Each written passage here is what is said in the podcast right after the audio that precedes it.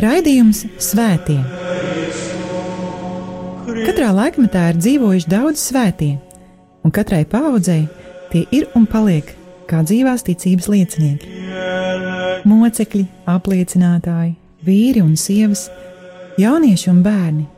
Svētie ir tik dažādi, gluži kā mēs, bet ir kāda īpašība, kura visus svētos vieno. Viņi mīlēja, mīlēja Dievu un cilvēkus. Raidījums par svētījumiem ir stāstījums par Dieva mīlestības reālo klātbūtni mūsu dzīvē. Santa Trinitas unos Deus, miserere Patris, Santa Maria, ora pro Lai ir slavēts Jēzus Kristus, ir pienākusi ceturtdiena un ir pulkstenis viens pēcpusdienā. Tas nozīmē, ka radījuma arī ēterā skan raidījums par svētajiem un pie mikrofona atkal esmu es, priesteris Večeslavs. Vakar kopā ar visu rietumu kristīgo baznīcu esam iesākuši šī gada lielā gavēņa laiku, un visticamāk daudzi no jums bija savu draugu dievnamos, lai piedaloties dievkalpojumā, lūgtu dieva svētību šim gandarīšanas un gavēšanas laikam. Arī katrs no svētajiem ir veltījis savu dzīvi gandarīšanai, gavēšanai, lūgšanai, slavēšanai, pielūgsmai. Šajā raidījumā par dažiem no viņiem. De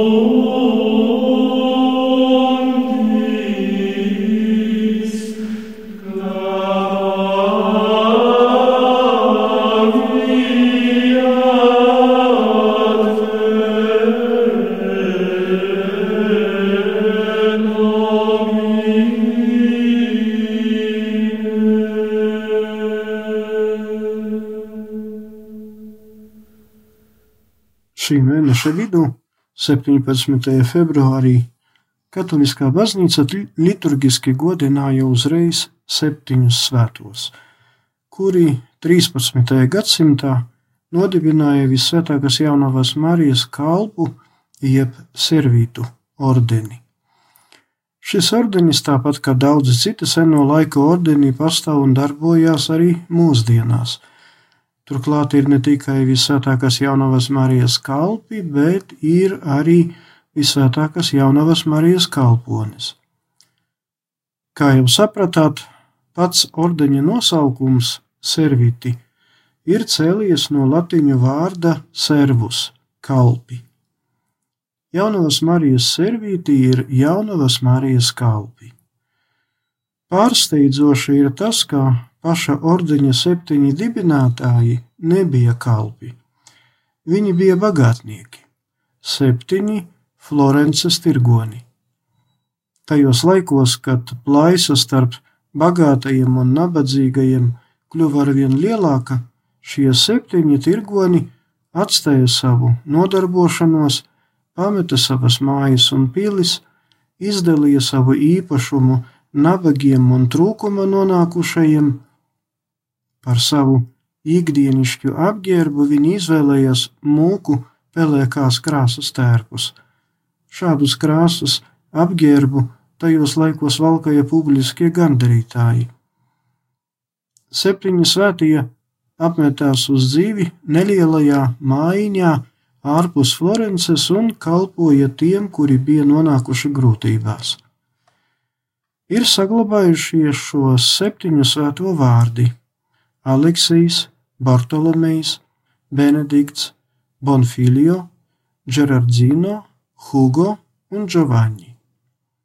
Kā vēstīja senais nostāsts, 1215. gadā pašās lieldienās netālu no Florences bija parādījusies dievmāte. Viņa raudāja un skuma par to, ka visi viņas bērni savā starpā ir sastrīdējušies un sanaidojušies. 1233. gadā 15. augustā Dievmāte tur esot parādījusies otro reizi, šoreiz sāpju un skumju pārņemtā.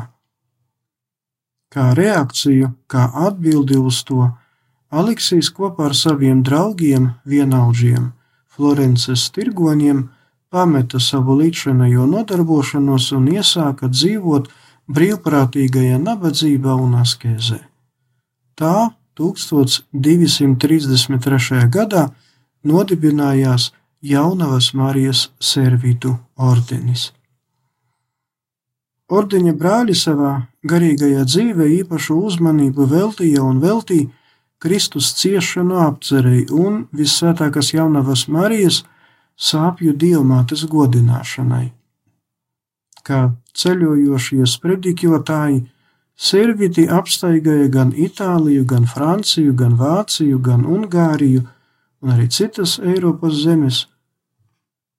Ordeņa oficiālā apstiprināšana notika 1304. gadā, un, kā teicu, pēc kāda laika norganizējas arī Servitu ordeņa sieviešu atzarojums, kuru nodibināja Svētā Juliāna. Viens no septiņiem svētajiem, Svētais Aleksijs, Nodzīvoja simts gadu un piedzima debesīm 1310. gada 17. februārī. Svēto kārta visus septiņus servitu ordeņa dibinātājus iecēla pāvests Leons 13. 1888. gadā. Ordeņa brāļi tika kādreiz jautāti par ordeņa harizmu, kāpēc ordenis vispār tika nodibināts uz ko viņi atbildēja, ka ordenis netika nodibināts kaut kam īpašam, bet tika nodibināts vienkārši, lai būtu. Būtu pasaulē par labu piemēru un liecību par brāļu mīlestību un kalpošanu jaunavas Marijas garā. Es domāju, ka derīgi un svētīgi būtu šī gada lielajam gavēnim iesākoties sevi pajautāt, vai nav vērts arī mūsdienās būt par brālīgās mīlestības un kalpošanas liecinieku, pat tādos gadījumos, kuros būtu jāatsakās no visa, kas tev ir.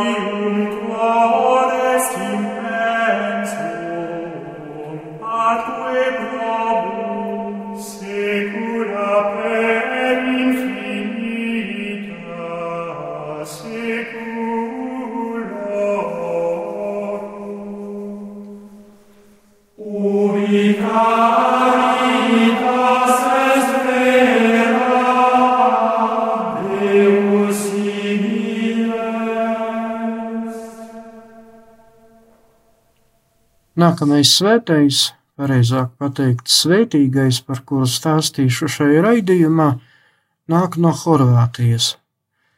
Tā ir valsts Balkānu reģionā. Horvātijas galvaspilsēta ir Zagreba. Horvātija ir ļoti sena. Romas impērijas laikā tās teritorija bija sadalīta starp Dalmācijas un Panonijas provincēm. 293. gadā imperators Diokleciāns savā dzimtajā Salonas pilsētā, tagad tā ir Splita, pavēlēja celt milzu pili, kas kļuva par imperatora rezidenci. 7. un 8. gadsimtā Horvātiju ieņēma avāri un slāvi. 1102. gadā Horvātija bija apvienota ar Ungāriju bet pēc 1526. gada Horvātija nokļuva Habsburgu monarhijas pakļautībā. Līdz 1699. gadam lielākā daļa Horvātijas bija Osmaņu impērijas pakļautībā. Otrā pasaules kara laikā, 1941. gada aprīlī, Horvātijā iebruka vācu, itāļu un Ungāru karaspēks. Okupētajā teritorijā izveidojās Horvātijas neatkarīgā valsts, kura sastāvā, kura sastāvā iekļāva arī Bosniju un Hercegovinu. Pēc otrā pasaules kara tā bija Dienvidslāvijas Socialistiskās Federatīvās Republikas sastāvā. 1991. gada 25. jūnijā Zagrebā Horvātijas parlaments pasludināja Horvātijas valsts neatkarību. Pēc Dienvidslāvijas Socialistiskās Federatīvās republikas sabrukšanas 1991. gadā sākās Horvātijas karš un Bosnijas karš, kas turpinājās līdz pat 1995. gadam. Svētīgais Zagrebas arhibīskaps Alois Stepaņaks, Horvātijas zemes dēls, dzīvoja un kalpoja dievam un tautai viena no sarežģītākajiem laikiem visā Horvātijas pastāvēšanas vēsturē. Alois piedzima 1898. gada 8. maijā Brezarīcas ciematā, kā piektais no astoņiem bērniem. Viņa dzimtajās mājās valdīja dziļi reliģiskā atmosfēra. Pēc pamatskolas pabeigšanas 1909. gadā Alois turpināja mācības Zagrebas arhibiskabijas gimnāzijā, un sešus gadus vēlāk, 1915. gadā, viņš iestājās garīgajā seminārā. Tomēr 1916. gada 28. jūnijā, nokārtojis eksāmenus, viņš iesāka dienestu Austriešu armijā, un tā kā toreiz plosījās Pirmais pasaules karš, viņš tika aizsūtīts frontē. 1918. gadā nonāca gūstā. Karam beidzoties, atgriezās dzimtenē un 1919. gadā viņš uzsāka studijas Zagrebas Universitātē, lauksaimniecības fakultātē. Tomēr jau pēc pirmā semestra viņš atgriezās dzimtajās mājās un turpmākos sešus gadus strādāja savā tēva saimniecībā. Sākotnēji, vairāk paklausot tēva padomiem, Savu dzīvi viņš vēlējās saistīts ar ģimenes dibināšanu, tomēr laiku gaitā nolēma kļūt par garīdznieku. Un 1924. gadā Alois atkārtoti iestājās garīgajā seminārā un vēlāk aizsūtīts uz Romu studija Gregorijāņu universitātē. 1930. gada 26. oktobrī Aloizu iesvētīja par priesteri. 1931. gadā viņš tika nozīmēts par Zagrebas arhidieceses kūrijas notāru un ceremoniāru. Pēc viņa iniciatīvas arhidiecezē sāka darboties karitas. Ar pāvesta pie 11. dekretu priesteri Aloizu nozīmēja par Zagrebas arhibīskapa koadjutoru un 1934. gada 24. jūnijā viņš tika konsekrēts par bīskapu. Toreiz viņš kļuva par visjaunāko gados katoliskās baznīcas bīskapu visā pasaulē. Viņam bija tikai 36 gadi. Pēc trīs gadiem, kad nomira Zagrebas arhibīskaps Antons Bauers, arhibiskupijas vadību pārņēma viņa ekscelence Alois, un nedaudz vēlāk kļuva arī par bīskapu konferences vadītāju. Lielu uzmanību viņš veltīja priesteru un garīgo semināru audzēkņu formācijai. Viņa vadībā strauji attīstījās pastorālais darbs starp karavīriem, strādniekiem, zemniekiem, jaunatni, pilsētu un lauku iedzīvotājiem, attīstījās katoliskās baznīcas prese, viņš norganizēja vairākus evaharistiskus kongregus, kon, kongresus. Arhibīskaps Alois bija neparastās drosmes un nelokāmās kristīgās ticības un pārliecības cilvēks.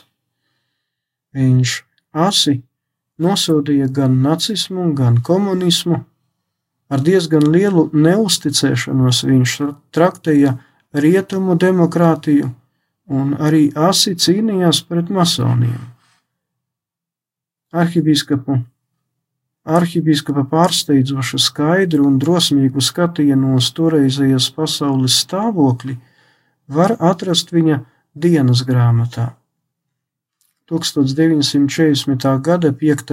novembrī viņš ierakstīja: Ja uzvarēs Vācija, tad iestāsies nežēlīgais terors un tiks iznīcinātas mazās tautas. Ja uzvarēs Anglija, pie varas paliks masoni, jūdu kliķi, un tas nozīmē, ka mūsu zemēs valdīs korupcija un nepieklājība. Bet, ja uzvarēs Padomju Savienība, tad pie varas nāks sātans un elle valdīs pār pasauli.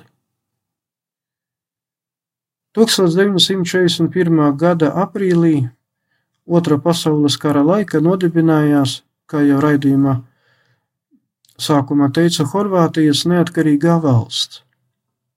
Svētais Zagribas arhibīskaps nostājās pret jebkādām totalitārisma izpausmēm un nosodīja jebkura veida vajāšanas, politiskās, rasiskas, ideoloģiskas. Viņš aizstāvēja kara upurus un visus, kurus apdraudēja nāve. Vienalga, vai tie bija horvāti, vai jūdi, vai serbi, vai čigāni, vai kādu citu tautību cilvēki, pat komunistus viņš aizstāvēja. Īpaši rūpējās par badā nonākušajiem bērniem. Viņš palīdzēja priesteriem, kuri tika padzīti no Slovenijas. Viņš paglāba 60 jūru, jūdu tautības pensionārus baznīcu īpašumos, pateicoties tam viņi izdzīvoja karā. Otrajam pasaules karam beidzoties, varu Horvātijā pārņēma komunisti. 1945. gada 17. maijā arhibīskaps Alois Stepinaks tika arestēts, tomēr pēc pāvesta pija 12. enerģiskas iejaukšanās divu nedēļas, divas nedēļas vēlāk arhibīskapu atbrīvoja. Arhibīskaps palika nelokams savā kristīgajā pārliecībā. Viņš norganizēja horvātu svētceļojumu uz Nacionālu jaunavai Marijai veltītu svētvietu Bistricā. Modināja priesterus cīnīties par to, lai reliģijas mācība netiktu izņemta no skolu programmas un jaunatne netiktu pakļauta piespiedu ateismam. 400 gadus Kristīga baznīca Horvātu zemē dzīvoja mierā, un kopš osmaņu laikiem tur nebija vajāšanu. Viss mainījās ar komunistu nākšanas pie varas. Pēc viņu uzvaras 1945. gadā arhibīskapu dievkalpojuma laikā viena no Zagrebas laukumiem apmētāja ar akmeņiem un sapūšam olām. Priesturus daudzas pilsētas un ciematos publiski sita un pazemoja. 1946. gada 18. septembrī arhibīskapu atkal apcietināja un notiesāja uz 16 piespiedu darba gadiem. Uzrunājot tiesu, svētais arhibīskaps pateica: Notiesātais Zagrebas arhibīskaps spēs ne tikai par savu pārliecību ciest, bet arī nomirt. Bet vēlāk pateica: Jūs atņēmāt man visu, bet es vēl tāpat kā Mozus pacelt rokas pretī debesīm spēju. Arhibīskapam tika aizliegts jebkuras reliģiskās darbības. 1953. gadā pāvests Pīs 12. nozīmēja apcietināto Zagrebas arhibīskapu Aloizu par kardinālu. Tajā pašā gadā viņu mēģināja noindēt. Viņš smagi saslima un vairs nekad nespēja iziet brīvībā. Piedzima debesīm 1960. gada 10. februārī bet 13. februārī tika apbedīts Zagrebas katedrālē. Beatifikācijas process iesākās 1969. gadā un 1998. gada 3. oktobrī Svētais pāvests Jānis Pāvils II, apmeklējot Horvātiju, iecēla Zagrebas bīskapu svētīgo kārtā.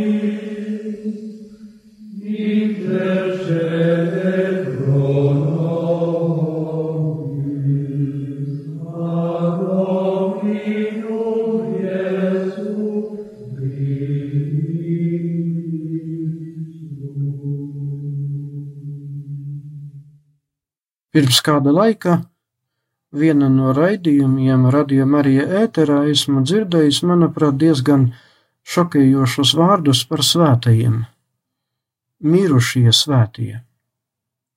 Nezinu, kāds varētu būt pamatojums šādam apgalvojumam, ka svētie ir miruši. Es zinu un esmu pārliecināts, ka Dievam visi dzīvo, un Viņš nav mirušo, bet gan dzīvo Dievs. Svētie, vienalga kurā laika viņi dzīvoja, dzīvo vai vēl dzīvos, nes sevi liecību par Dieva mīlestību, bet Dieva mīlestība ir mūžīga, tā vienmēr ir dzīva. Šī raidījuma nobeigumā aicinu atkal pievērst uzmanību vienam no senlaiku svētajiem - Svētais Osvalds. Viņš ir dzimis Anglijā, Skotu ģimenē. Viņa vectēvs bija svētais Odorns, bet viņa onkulis svētais Odons, Kenterberijas arhibīskaps. Kā tajos laikos bija pieņemts, vēl būdams jauneklis, Osvalds kļuva par kanoniku, kaut arī viņam nebija nekādu garīdzniecības pakāpju. Šādi Osvaldam tika nodrošināta pārticīga nākotne, tomēr Osvalds atteicās no tā visa un iestājās Benediktiņu klosterī un devās uz Franciju. Klostera klusumu ilgi baudīt Osvaldam neizdevās, jo pēc Skotu un Norvēģiju uzbrukumiem Anglijai bija nepieciešami priesteri un mūki, kuri atjaunotu sagrautās svētvietas un baznīcas un atjaunotu pastorālo kalpošanu. Tāpēc svētais Odons Osvalda onkulis, aicināja viņu atgriezties, atgriezties dzimtenē. Pēc svētā onkuļa nāves Osvalds nolēma atgriezties uz savu klosteri Francijā, tad atkal devās uz Angliju, kur Jorkas katedrālē 959. gadā viņu iesvētīja par priesteri. 961. gadā Osvalds kļuva par Vusteras diecezes ganu. Anglijā tajos laikos darbojās daudzi svētie. Starp viņiem bija svētais Etelvorts, Vinčesteras bīskaps, Svētais Dunstans, Kenterberijas arhibīskaps. Svētais Dunstans, redzēdams Osvalda dedzību un dievbijību, vēlējies tieši viņu nozīmēt par Jorkas ganu, un Anglijas karalis tam arī piekrita. No pāvesta Jāņa 12. Osvalds saņēma Jorkas metropolīta paliju. Nomira svētais Osvalds 992. gada 29. februārī pie pusdienu galda. Lielajā gavēnī Osvalds ievēroja tradiciju pusdienot kopā ar nabadzīgajiem, pirms pusdienām nomazgājot viņiem rokas un kājas. No viņa lūpām atskanēja nāves mirklī vārdi: Gods lai ir tēvam un dēlam un svētajam garam. Svētā Osvalda relikvijas atrodas Vusteras katedrālē Anglijā. Lūksimies! Kungs Dievs, Tu svētos apveltīji ar debesu gudrību un darīji viņus par savas baznīcas spīdekļiem. Ļauj, lai viņiem aizlūdzot, mēs uzticīgi glabātu Tavu mācību un apliecinātu to savos darbos. Mēs tevi lūdzam mūsu Kunga Jēzus Kristus tava dēla vārdā, kas ar tevi svētā gara vienībā dzīvo un valda Dievs visos mūžu mūžos. Āmen! Dievs paldies par uzmanību, lai ir slavēts Jēzus Kristus! Raidījums Svētie! Katrā laikmetā ir dzīvojuši daudz svētie, un katrai paudzei tie ir un paliek kā dzīvās ticības liecinieki. Mocekļi, apliecinātāji, vīri un sievas, jaunieši un bērni. Svētie ir tik dažādi, gluži kā mēs, bet ir kāda īpašība, kura visus svētos vieno. Viņi mīlēja, mīlēja Dievu un cilvēkus. Raidījums par svētījumiem ir stāstījums par Dieva mīlestības reālo klātbūtni mūsu dzīvē. Santa Trinitas unos Deus, Miserere nobis, Santa Maria, ora